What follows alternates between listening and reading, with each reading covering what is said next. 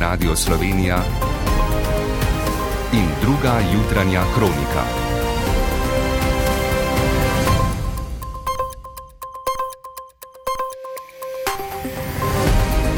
Ura je sedem. Dobro jutro. Lepo pozdravljeni. V večini države se to jutro začenja z nejevoljo voznikov, z drsi vozil in zamudami zaradi obilnega sneženja. Največ težav je na dolenski avtocesti od Trebnega proti Ljubljani ter na primorski avtocesti od Vrhnike proti Kopru.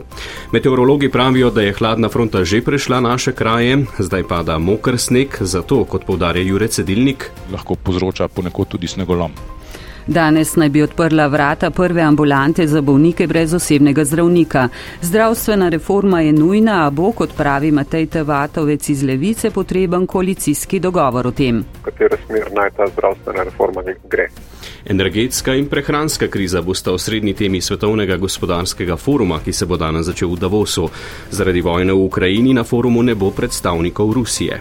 Naši rokometači si želijo najboljšo popotnico za nadaljevanje svetovnega prvenstva. Drevi bodo skušali oduzeti skalp olimpijskim prvakom francozom. Padavine bodo čez dan prehodno ponehale in se znova ukrepile proti večeru, ko bo v večini države deževalo. Z vami sva Luka Bregar in Biljana Polak. Prvo obilnejše sneženje te zime, ki je po noči zajelo vso državo, se je v zadnji uri nekoliko umirilo, težave pa ostajajo na cestah. Promet je zaradi močnega sneženja upočasnjen, na cestah so plužne in posipne skupine. Na številnih cestah se sneg oprijema vozišča, pojavlja se poledica, megla ponekod zmanjšuje vidljivost. Sneg je že zgodaj zjutraj povzročil prometni kolaps. Promet je zdaj seveda še vedno močno obremenjen. O trenutnih razmerah na cestah pa zdaj z Barbaro Janežič z prometno-informacijskega centra. Lepo pozdravljeni. Zaradi močnega sneženja promet posod poteka po državi počasi, številni oceki so zaprti. Na avtocestah so popolne zapore med Vrhniko in Logacem proti Kopru, potem v razcepu nanosi smeri Vipave proti Kopru, na dolenski avtocesti pri Medvedjeku proti Ljubljani, na uvozu Ljubljana jug proti Kopru na Ljubljanski obvoznici ter na Štajerski avtocesti je zaprt uvoz Kartina proti Mariboru. Voznike tudi opozarjamo, da je kar nekaj težav s tovornimi vozili, številna so že zdrsnila na naših cestah, zato zaenkrat velja prepoved za tovorna vozila nad 7 ton in pol in sicer na primorski avtocesti med Ljubljano in Sežano v obe smeri, pa potem na dolenski avtocesti trenutno proti uh, novemu mestu. Na štajerski avtocesti se pričakuje izločanje v kratkem med Šempetrom in Ljubljano, uh, pa seveda voznike opozarjamo, da tudi na številnih glavnih in regionalnih cestah že, je že postavljena signalizacija, da tovorna vozila nad 7 ton in pol tja ne smejo na določene ceste. Zato voznike opozarjamo, držite se postavljene signalizacije in predpisov in vozite kar se da previdno in strpno. Agencija. Agencija za okolje je za danes sicer izdala oranžno opozorilo. Iz večjega dela države zaradi mokrega in južnega snega poročajo o snegolomu, med drugim iz Koroške, Štajerske, Gorenske in Dolenske. Na območju elektra Ljubljana je bila vrsta izpadov električne energije, težave odpravljajo. Ponekod so gasilci posredovali zaradi zalitih kleti, kot je povedal vremenoslovec Andrej Velka vrh, bodo padavine čez dan ponehale, v noči na jutri bodo znova zajele večji del države, a bo zaradi višjih temperatur najverjetneje po nižinah snežilo le na Gorenskem in Koroškem. Potem, ko je predsednik vlade Robert Golop na petkovi prvi seji delovne skupine za zdravstvo prevzel koordinacijo priprave zdravstvene reforme in ob tem zatrdil, da še naprej zaupa ministru Danielu Bešiču Loredanu, v sredo na koalicijskem vrhu od političnih partnerjev pričakuje podporo konkretnejšim ukrepom v zdravstveni politiki. Na mizi koalicijske trojice bodo poleg zdravstvene reforme tudi usmeritve reform na področju plač v javnem sektorju, davkov, šolstva, pokojninskega sistema, in tudi drugi vladni načrti. O zdravstvu in o tem, kaj pričakovati, pa več v pogovoru z Natašo Mulec. Dobr dan. Najmanj, kar lahko pričakujemo, je trdna zaveza koalicije, da se bo osredotočila na reševanje razpadlega zdravstva. Sklepati je mogoče, da bo premije golo pod partnerjev skušal dobiti zagotovila glede podpore, ta se običajno kaže v glasovih v državnem zboru, ukrepom, ki jih bodo zapisali v zakona o zdravstvenem varstvu in zavarovanju ter zdravstveni dejavnosti. Medtem v SD-ju in levici najprej pričakujejo, da bosta premije golop in minister Bešič Loredan predstavili predstavila izhodišča zdravstvene reforme. Vodi poslanca obeh strank Jani Prednik in Matej Tevatovec sta ob tem povedala. Je ta vrh uh, namenjen temu, da naredimo neko bilanco, da vidimo, kje zdravstvo je in da damo na mizo uh, neke rešitve, v katerih se seveda potem tekom procesa uh, moramo o njih pogovoriti in določiti neke cilje. Uh, dogovoriti se moramo seveda tudi o časovnici, potem pa je verjetno za proces dobro in ugodno, če bomo skupaj tudi postavili smernice, v katero smer naj ta zdravstvena reforma gre. Koalicija utegne torej v sredo postaviti temelje za iskanje širšega političnega in družbenega soglasja, katere so vroče teme pa je jasno, usoda ukinitve dopolnilnega zdravstvenega zavarovanja, podeljevanje koncesij, reorganizacija Zavoda za zdravstveno zavarovanje in prenova košarice pravic. Naj povem še to, da je bilo v javnosti doslej že večkrat slišati oceno, da je zdravstvo točka, na kateri lahko golobova vlada obstane ali pade. Kaj pa preostale reforme, ki bodo na mizi koalicijskih partnerjev? Ja, pri reformi plač v javnem sektorju ministrica Sanja Janovič-Hovnik stavi na spremembe, ki bodo temeljile na stebrih po dejavnostih, naprimer za zdravstvo, šolstvo in tako naprej, ter spremembi plačne lestvice. A zdi se, da se je reforma končala, še preden se je sploh začela, potem ko je vlada različnim skupinam dala ali obljubila ugodnosti, zdaj več zahtevajo vojaki, gasilci, policisti in zaposleni v kulturi, seznam se vtegne še podaljšati. Iz sindikalnih vrst je slišati precej podobne odzive na reformo reformo, David Švarc iz sindikata gasilcev je med drugim ocenil. Si upam trditi, ne, da je velika verjetnost, da ta predlog ne bo nek, nekaj boljšega in nekaj takega, kar bi dajalo, bom rekel, javnim uslužbencem več, kot nam daje danes. Glede reforme pokojninskega sistema so nekaj usmeritev na ministrstvu za delo že dali, pravijo, da se bo treba pogovoriti o dvigu upokojitvene starosti, višjih odmernih odstotkih in širitvi obveznega dodatnega pokojninskega zavarovanja na vse zaposlene. Na koalicijski mizi bo tudi davčna reforma, pri čemer koalicija stavi na premoženske davke oziroma kapital. Ko gre za šolsko reformo, je bodoči minister Dario Felda v spredje postavil digitalizacijo in temu prilagojen način način učenja in poučevanja. Pogovarjali smo se z Natašo Mulec. Hvala. V zdravstvenem domu Maribor bodo danes po napovedih odprli prvo od predvidenih šestih ambulant za bolnike brez izbranega družinskega zdravnika. Delovala bo v prostorih v ulici Kneza Koclja 11. Prav tako boste predvidoma danes začeli delovati takšni ambulanti v Velenju in v Celju. Na odprtje ambulant za pacijente brez izbranega osebnega zdravnika se pospešeno pripravljajo tudi drugod po Sloveniji, še posebej potem, ko so na Zavodu za zdravstveno zavarovanje vzpostavili tehnično podporo. Za omenjeno prilagoditvijo je od četrtka v informacijskem sistemu mogoče opredeljevati bolnike na ambulanto in ne le na posameznega zdravnika kot doslej. Druga jutranja kronika. Ura je 7 in 8 minut. Zunanja ministrica Tanja Fajon danes obisk po državah Zahodnega Balkana nadaljuje na Kosovu, kamor je prispela sinoči in se že sešla s premijejem Albinom Kurtijem. V Prištino je prispela iz Podgorice, potem ko je sredi decembra tam skupaj z avstrijskim kolegom v imenu Evropske unije posredovala zaradi politične in institucionalne krize. V Podgorici so ji zagotovili, da bodo naredili vse, da izpolnijo zahtevo in najpozneje v začetku februarja imenujejo manjkajoč bodoče ustavne sodnike, poroča dopisnik Boštjan Anžin. Ministrica Tanja Fajon je v Črni gori znova povdarila, da Slovenija podpira evropsko pot te najbolj napredne kandidatke za članstvo, ki pa je v zadnjih dveh letih zdrsnila v politično in institucionalno krizo.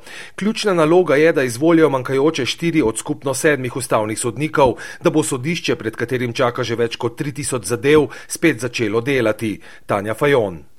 Vse to so nujni koraki, da Črna Gora zagotovi delovanje institucij, vladavino prava in pa seveda, da ne bo prišla v situacijo, ko bo Evropska unija lahko tudi pristopna pogajanja zaustavila, če ne bodo izpolnjeni ti glavni pogoji za normalno delovanje države.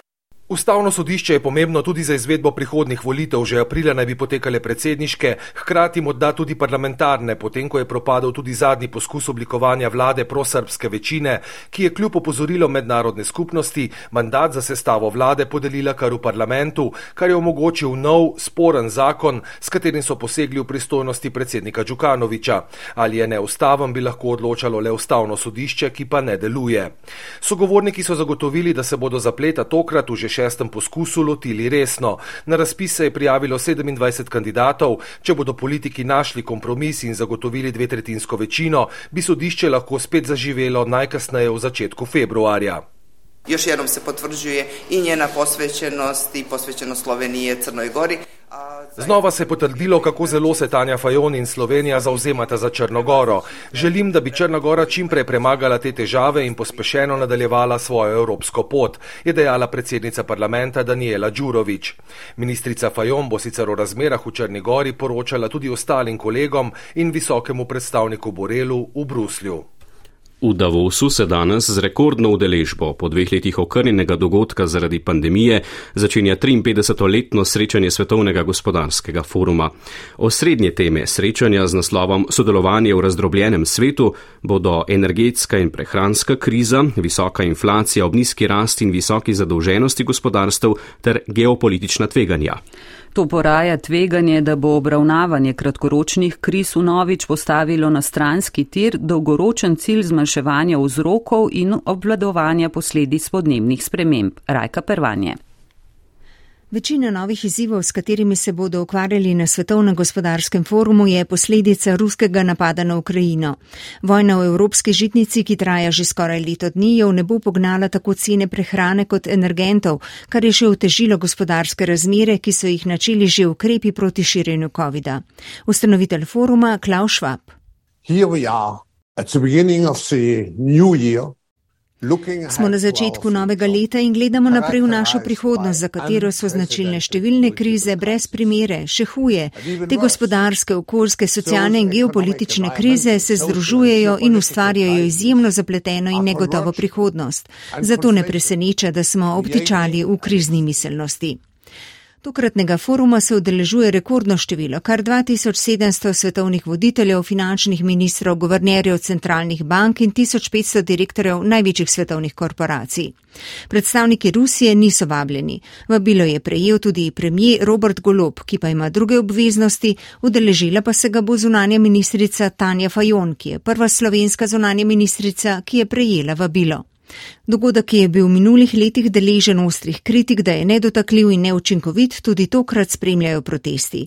Več kot sto protestnikov se je včeraj iz bližnjega Kublisa sprehodilo do roba Davosa, ki ga varuje veliko število policistov in vojakov, zaradi česar protestniki van ne morejo stopiti.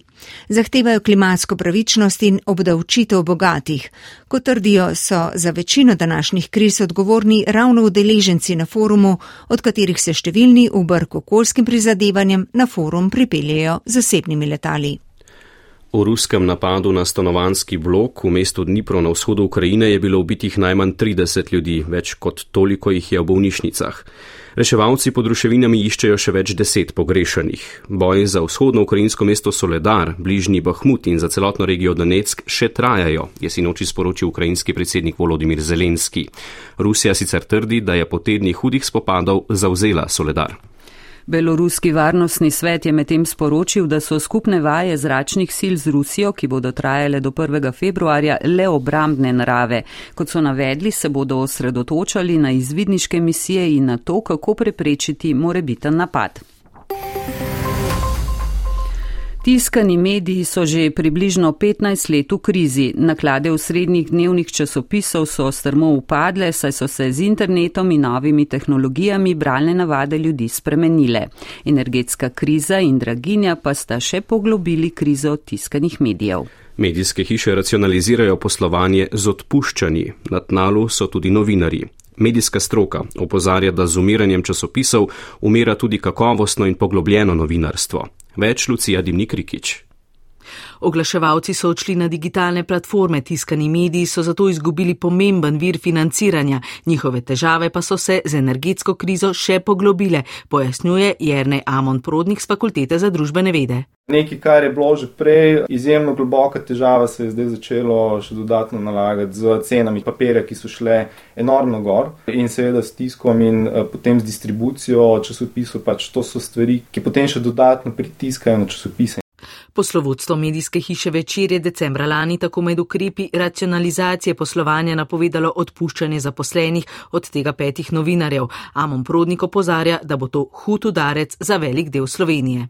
Če tak časopis umre, v tistem delu Slovenije, naprimer Koroška, Maribor, eh, tam potem nimaš več kvalitetnega novinarstva. Skratka, ti si izgubil, potem imaš novi, novičarsko puščavo resnega novinarstva za en celoten del Slovenije.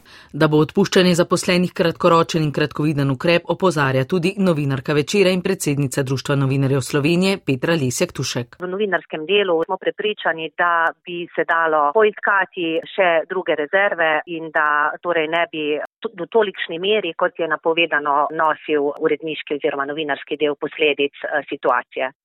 Po besedah Petre Lesek Tušek so v težavah tudi drugi tiskani mediji. Oglašajo se nam tudi iz drugih eh, tiskanih medijev, tudi regionalnih eh, časopisov, kjer prav tako imamo podatke o tem, da morajo krčiti tudi v delu zaposlenih. Tako da jaz pričakujem, da bo precej več težav. V društvu novinarjev od pristojnega ministrstva za kulturo pričakujejo ukrepe v podporo tisku, pri tem predlagajo subvencioniranje distribucije tiska. Ministrstvo za kulturo pojasnil v zvezi s tem še ni podalo, so pa podjetja iz medijske panoge upravičena do pomoči na podlagi zakona o pomoči gospodarstvu za omilitev posledic energetske krize. Še naprej spremljamo dogajanje v zvezi z obilnim sneženjem, ki to jutro povzroča veliko preglavic na naših cestah. Zaradi zdrsov vozil je na nekaterih delih zaprta primorska avtocesta. O zastojih v obe smeri tudi zaradi nesreč poročajo z Gorenske, Štajerske, Primorske, Dolenske in Podravske avtoceste. Plužne službe imajo obilo dela, prav tako tiste, ki odpravljajo posledice snegoloma. O njem poročajo iz več delov države, ponekod je prekinjena oskrba z elektriko. Teden bo v znamenju sprememb v zdravstvu. Premijer Robert Golop v sredo na koalicijskem vrhu od političnih partnerjev pričakuje podporo konkretnejšim ukrepom v zdravstveni politiki. Ti pa najprej pričakujejo predstavitev izhodišč za zdravstveno reformo. Še novice iz košarkarske lige NBA. Dala se je proti Portlandu izgubil 140 proti 123, Luka Dončić tokrat ni igral. Chicago Bulls z Goranom Dragičem so premagali prvake NBA Golden State, bilo je 132 proti 118. Sledi pregled preostalega športnega dogajanja, v njem tudi o pričakovanjih pred današnjo tekmo Slovenija-Francija na svetovnem prvenstvu v Katovicah na Polskem. Pridružila se nam bo Mojca Breskvar. Hvala za vašo pozornost in nasvidenje.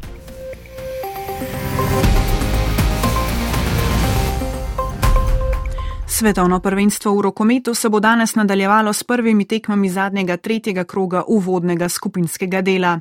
Slovenska reprezentanca bo po uvodnih zmagah proti Saudski Arabiji in Polski za prvo mesto v skupini v Katovicah igrala z olimpijskimi prvaki francozi. Obe reprezentanci sta si že zagotovili nastop v drugem delu v Krakovu, tekma odloča tudi o tem, katera izbrana vrsta bo v drugi del tekmovanja odnesla poln izkupiček točk. Eden izmed treh reprezentantov, ki igrajo v Franciji, je rok ovniček. Sigurno niso francozi samo favoriti te skupine, ampak tudi favoriti za dokončno, dokončne kolajne. Ampak na koncu igra 60 minut, mi bomo dali vse od sebe, sigurno smo se iztrošili na tekmi proti Poljakom, ampak treba je zbrati glave, treba je dati vso energijo v to tekmo s francozi in se nadejati dobrega rezultata. Včeraj so si Nemci z uspehom proti Srbiji zagotovili prvo mesto v skupini E. Debitanti Belgici so proti Tunizicem prišli do zgodovinske prve zmage. Tekma Slovenija-Francija se bo začela ob 18. uri, spremljali jo bomo tudi na valu 202.